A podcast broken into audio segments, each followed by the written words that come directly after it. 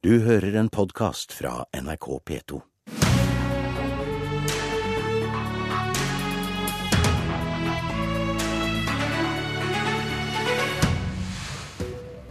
Det kommer færre asylsøkere til Norge, men hva skyldes det? Strengere regler, sa regjeringspartiene. Svenske regler, sa UDI. Høyres parlamentariske leder sendte ut pressemelding med nedgangen i asyltallene, og viste til kraftige innstramminger i norske regler. FrPs komitéleder Helge André Njåstad sa det samme, og møtte opp på UDIs pressekonferanse for å la seg intervjue, men ble bedt om å gå. For UDIs forklaring på nedgangen var svenske innstramminger, ikke de norske.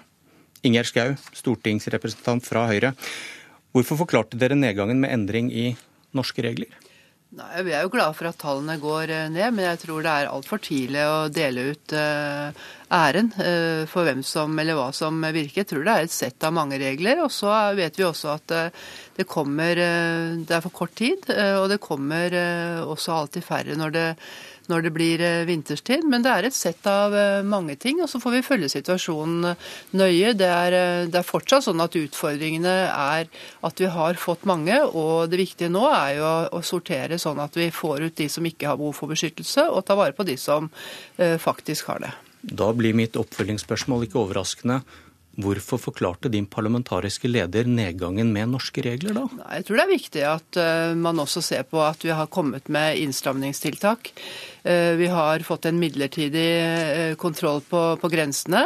Eh, og det er en rekke innstramningstiltak som, som, gjør at kommunikasjonen ut i verden vet til de som måtte ønske å komme hit, er at det er ikke sikkert du får bli. Det er, per, det er ikke lenger kontantytelser. Og det er en rekke ting på innstramningsområdet som, som sender signaler ut om at du blir returnert når du ikke har behov for, for beskyttelse, og så får du bli når du, når du har det. Men hvorfor, hvorfor tror du da Forfang og UDI ikke nevnte de norske innstramningene med et ord da han skulle forklare nedgangen? I motsetning til det, det Helleland sa, og i motsetning til det, det du får, sier. Det får i grunnen Forfang uttale seg om selv. Det vi har vært opptatt av, er jo at eh, vi både skal stille virkemidler til rådighet eh, sånn at både politiet og at vi har nok eh, mottak til de som virkelig skal komme, men at vi også har fått en avtale med 18 innstramningspunkter. og Det er klart, det har effekt, altså. Det, vi ser at folk også har returnert nå som har kommet til landet, fordi de vet at det er større usikkerhet om både muligheten til å bli over lengre tid, og at ytelsene ikke lenger er så gode, og at når det er eh, roligere tider i hjemlandet ditt, så blir du eh, transportert tilbake.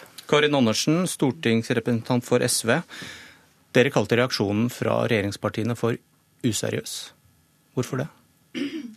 Fordi jeg mener at det var det. Det har vært en useriøs debatt om hvorfor flyktningene har kommet, der man sier at det handler om at noen ville ta imot kvoteflyktninger. Og det blei like useriøst når man sier at innstramminger man gjør ei uke, nesten får tilbakevirkende kraft også, som det jo viser seg på tallene at det var. og UDI eh, er jo faginstansen her og er veldig klare på at dette er svenskenes regler som, eh, som gjelder. Men hvorfor er det så viktig hva Inger Schou og Helleland sier? Er ikke det viktigste at de som ikke skal få opphold i Norge, faktisk ikke kommer? Jo, det er veldig viktig, og derfor så er det så kritikkverdig at regjeringen var så ufattelig sein med å både rigge det apparatet som skulle kontrollere og registrere de som kom, var veldig seine med å se på muligheten til grensekontroll, har ikke så vidt vi har eh, brakt på det rene, tatt noen initiativ for å løse dette på europeisk nivå, som hadde vært helt nødvendig. Og det er jo også en sak som går opp i Finnmark, der det er eh, meldinger om at eh, her har det vært tatt kontakt mot norske myndigheter for å løse dette før, og nå har jeg spurt justisministeren om det to ganger. Har det vært slike kontakter? Og han vil ikke svare. Men hvorfor er det så viktig å finne den riktige årsaken til at strømmen avtar? Nei, vi har ikke vært ute og kommentert dette før uh, Høyre gjorde det sjøl, og da må det være lov å si at dette er useriøst, når også uh, den fagetaten UDI sier at uh, dette har ingenting med hverandre å gjøre, så da blir det et politisk spill. Og det er det spillet vi har reagert på, at man både både legger skylda på oss som ønska å ta imot flere kvoteflyktninger, på at flyktningene faktisk kommer, og på at man har foretatt noen innstramminger nå som i første rekke rammer de som skal få bli, og ikke går på de som ikke har beskyttelsesgrunn. For der har vi jo vært helt enige alle sammen om alle de tiltakene. Det var mange harde påstander, Skau. Ja, og jeg opplever vel at der hvor SV For det første så har SV meldt seg ut av det som går på, på det forlik som ligger nå når det går på innstramninger. Det har kommet uh, altfor mange til Norge som ikke har behov for beskyttelse. Der, ville, der har SV meldt seg ut av det forliket, og sånn sett også meldt seg ut av det som starter i dag, nemlig samtalene om å få til en skikkelig integrering. Så uh, tenker jeg at uh, når Karin Andersen sier at Eh, at regjeringen ikke har handlet, så tenker jeg det er faktisk tøv. Eh, jeg opplever at eh, SV nå hele tiden har vært på at nå skal man samtale, ha dialog. Allerede 18.9 fremmet altså regjeringen en tilleggsproposisjon som satte Politiets utlendingsenhet i større stand til å ha de nødvendige virkemidlene. UDI har hele tiden hatt det i forhold til å opprette mottak, men, men det å melde seg ut og bare ville ha samtale og ha dialog og rope på ekstramøter i Stortinget Stortinget. Altså Der har faktisk regjeringen handlet, mens SV plasserer seg helt på sidelinjen. Og det verste vi opplever og kan ha nå, det er at naiviteten får råde. Og på den siden opplever jeg faktisk at SV har plassert seg. Og nå får dere ikke lov til å bli med på de samtalene som starter i dag pga. det, da, Andersen, om Nei. integrering? Nei, altså dette viser vel litt hvor, hvor barnslig man oppfører seg. Altså Vi har vært for alle de tiltakene som skulle forhindre at de som ikke har beskyttelsesgrunn, skulle komme. Og det vet Ingjerd Schou, for det vi sier sitter, vi sitter med en eh, sak om det nå i Stortinget. Det vi har vært imot, er jo tiltak som rammer de som har beskyttelsesgrunn. Derfor ville vi ikke være med. Og vi kommer til å legge fram en rekke henger, tiltak. Unnskyld, unnskyld Skau, nå snakker jeg. Eh, vi kommer til å legge fram en rekke gode integreringstiltak. For det er veldig viktig nå at vi får de som skal bli her, eh, raskt i arbeid og raskt og bosatt. For det vi gjør nå er dyrt, langsomt og dårlig, og folk blir sjuke av det. Det er vi som lærer folk å ligge på sofaen, stirre på TV-en og ta imot trygd, og det er vi nødt til å slutte med. Kort til det, ja, der, har faktisk, der har faktisk SV meldt seg ut, eh, og det er naiviteten nei, nei, nei, som råder. Ja, men nå, nå, Andersen, nå er det jeg som snakker. Og situasjonen nå er at hvis man ikke klarer å forholde seg til realitetene ved å se at skal du klare å inkludere, skal du klare å motta godt, så må du også evne å være med på eh, de restriktive signalene. Også det å drive eh, Facebook og informasjon ut i det store samfunn. Men dere har altså meldt dere ut. Det er alle enige i akkurat det siste. Ja, men det, henger i hop. Både det å være restriktiv okay, og det å inkludere. Og der Integrering blir nok en debatt utover dagen, men eh, det kom en melding i dag morges. Hva, hva tenker dere om at svenske myndigheter for første gang tror da at de kanskje har oppdaget flyktninger som tar seg til Sverige i gummibåt? Ja, Nå gjenstår det å få bekreftet at det faktisk skjer, men jeg tenker jo at det er to ting. Vi har sett det fra Middelhavet. Jeg har vært der nede på Siem Pilot eh, og, og, og, snakket med mannskapet og sett hvordan de håndterer det. Og Det handler jo punkt én om en desperasjon hos de som har behov for både beskyttelse, som også søker seg et annet eh, og bedre liv. Det er ikke noe galt i det. Men det er også krefter bak som ønsker å sko seg på dette. Og, og det er eh, fra den kriminelle del av verden så er det mer å tjene på å få betalt for, eh, for en reise i en gummibåt enn en det å smugle narkotika. Da er vi helt nødt til å være skodd også politisiden. Ja, det, er, dette er jo, det er jo livsfarlige turer. Folk eh, legger ut på både av nød og fordi de er lurt. Eh, og det betyr jo at vi er nødt til å få på plass et system der europeiske land håndterer dette i fellesskap og i ansvar. Og vi må etablere muligheter for folk til å søke asyl når de har beskyttelsesbehov, uten å måtte legge ut på slike livsfarlige reiser.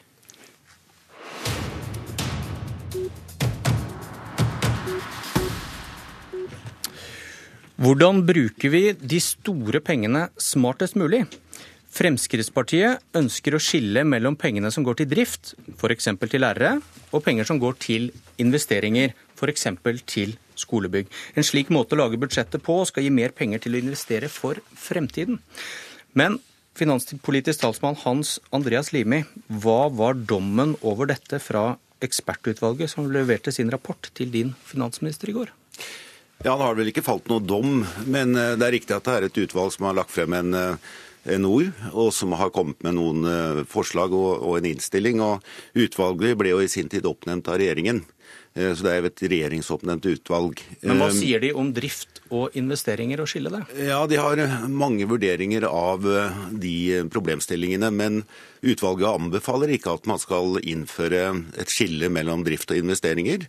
Eh, men de ser også at det, har, eh, det er naturlig å tenke seg at det er forskjell på altså investeringer i f.eks. infrastruktur, som da har en lang levetid, og det som er de løpende bevilgningene til å dekke utgiftene over, uh, over statsbudsjettet. Hva, hva syns du om begrunnelsen deres for at det ikke er fornuftig å skille drift og investeringer, f.eks. mellom lærere og skolebygg når dere skal prioritere penger? Jo, det er jo slik at uh, Alle disse prioriteringene de må jo gjøres uh, over statsbudsjettet. Uh, og så vet vi at det er en forskjell på å investere i infrastruktur, investere i bygg, som har en veldig lang levetid, og som er på en måte en realkapital som også må forvaltes på en litt annen måte enn det som går inn under løpende driftsutgifter. Eh, men der er altså ikke utvalget enig i våre vurderinger. Og så er det slik nå at utvalgets innstilling skal jo også ut på høring, så det blir helt sikkert en rekke debatter rundt disse temaene. Marianne Martinsen, finanspolitisk talsperson i Arbeiderpartiet. Hva, hva tenker du om Børmer-utvalgets konklusjoner på det punktet her?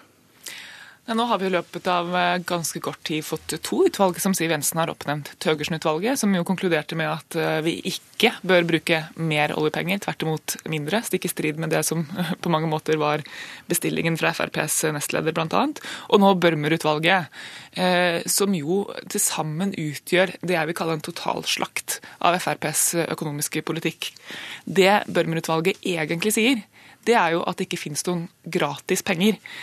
Vi har jo sett gjennom mange år at Frp har vært kritiske til budsjettprinsipper som det har vært stor enighet om i Stortinget for øvrig. Og årsaken til at de har vært kritiske til de prinsippene, er jo fordi at de ikke ønsker å gjøre de vanskelige prioriteringene. Og, og, jeg er helt enig når utvalget sier at det gir ingen mening. Det er tvert imot veldig ufornuftig å skulle skille mellom det å investere i et skolebygg og det å f.eks. utdanne lærere som kan jobbe inni de skolebyggene. Det er ikke sånn at skolebygg er realkapital på den måten at staten bare kan selge de for å skaffe seg likviditet, f.eks. Limi. Ja, nå er det jo sånn at uh, Utvalget kommer faktisk med en rekke, rekke forslag Eh, som er eh, i tråd med det Fremskrittspartiet har vært opptatt av hele tiden. Altså Man sier bl.a. at det er viktig at statlige virksomheter også periodiserer regnskapene sine. At man har en tilleggs... Jo, at man viser hvordan ressursene påløper, uavhengig av det eksakte tidspunktet for inn- og utbetalinger. Uh, og Det er noe som kommer i tillegg til det som er liksom den statlige regnskapspraksisen, og som noen virksomheter gjennomfører i dag. og Utvalget sier at det bør alle statlige virksomheter gjøre. Det betyr at man får et bedre grunnlag for å sammenligne ressursbruken, et bedre grunnlag for å effektivisere, men, men, og ikke minst at man kjenner seg igjen i forhold til det som er eh, det vanlige i, for private virksomheter. Til, til, du sa dette skal ut på en høring nå, og til det vi snakker om her med å skille da drift og investeringer, vil det si at etter høringen så legger dere dette i skuffen og hører ikke på konklusjonene, fordi dere har bestemt dere for at det går an. Det er viktigere å prioritere og løfte disse pengene da ut av budsjettet for å gjøre investeringer i infrastruktur. Det som er viktig for Fremskrittspartiet, det er å ha en god og effektiv forvaltning av det som er fellesskapets ressurser. Eh, og når utvalget da har lagt frem sin eh, innstilling, så går det ut på høring. Eh, og så vil det være mange ulike høringsinstanser som får lov til å mene noe om det som er utvalgets konklusjoner. Og så vil jo regjeringen da på basis av det som kommer tilbake i høringen, da treffe de nødvendige tiltak. Så, så det er ikke slik at rapporten blir lagt i en skuff, så er det tvert om. Den legges ut for en bred diskusjon og en bred høring om de konklusjonene som trekkes. Jeg håper i hvert fall at Frp leser den rapporten grundig før den går i skuffen. Eh, for det er en rapport med mange fornuftige eh, konklusjoner.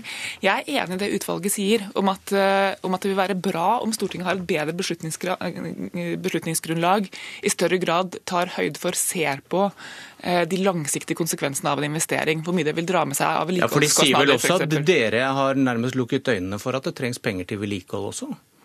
Ja, det de sier er jo at Hvis man skal kalle investeringer for mer høyverdig pengebruk enn all annen pengebruk, så vil du få et problem på investeringssida.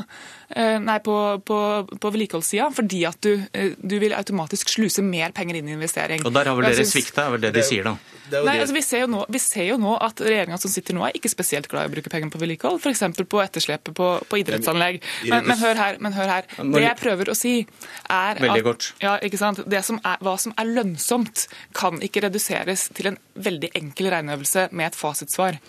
All pengebruk over offentlige budsjetter bør i prinsippet gagne samfunnet, og der mener vi ulike ting. Det er derfor vi er ulike partier. er det. Dette er politikk og ikke regneøvelser. Det er riktig, og det er jo et faktum at vi har et enormt vedlikeholdsetterslep i Norge på all offentlig infrastruktur, og denne regjeringen har i hvert fall bidratt til å redusere det, samtidig som det investeres veldig mye i ny infrastruktur. Så, så det er viktig at man må klare begge deler og ha to tanker i hodet samtidig. Man må investere, og man må samtidig vedlikeholde. Politisk kvarter er slutt. Jeg heter Bjørn Myklebust. Du har hørt en podkast fra NRK P2.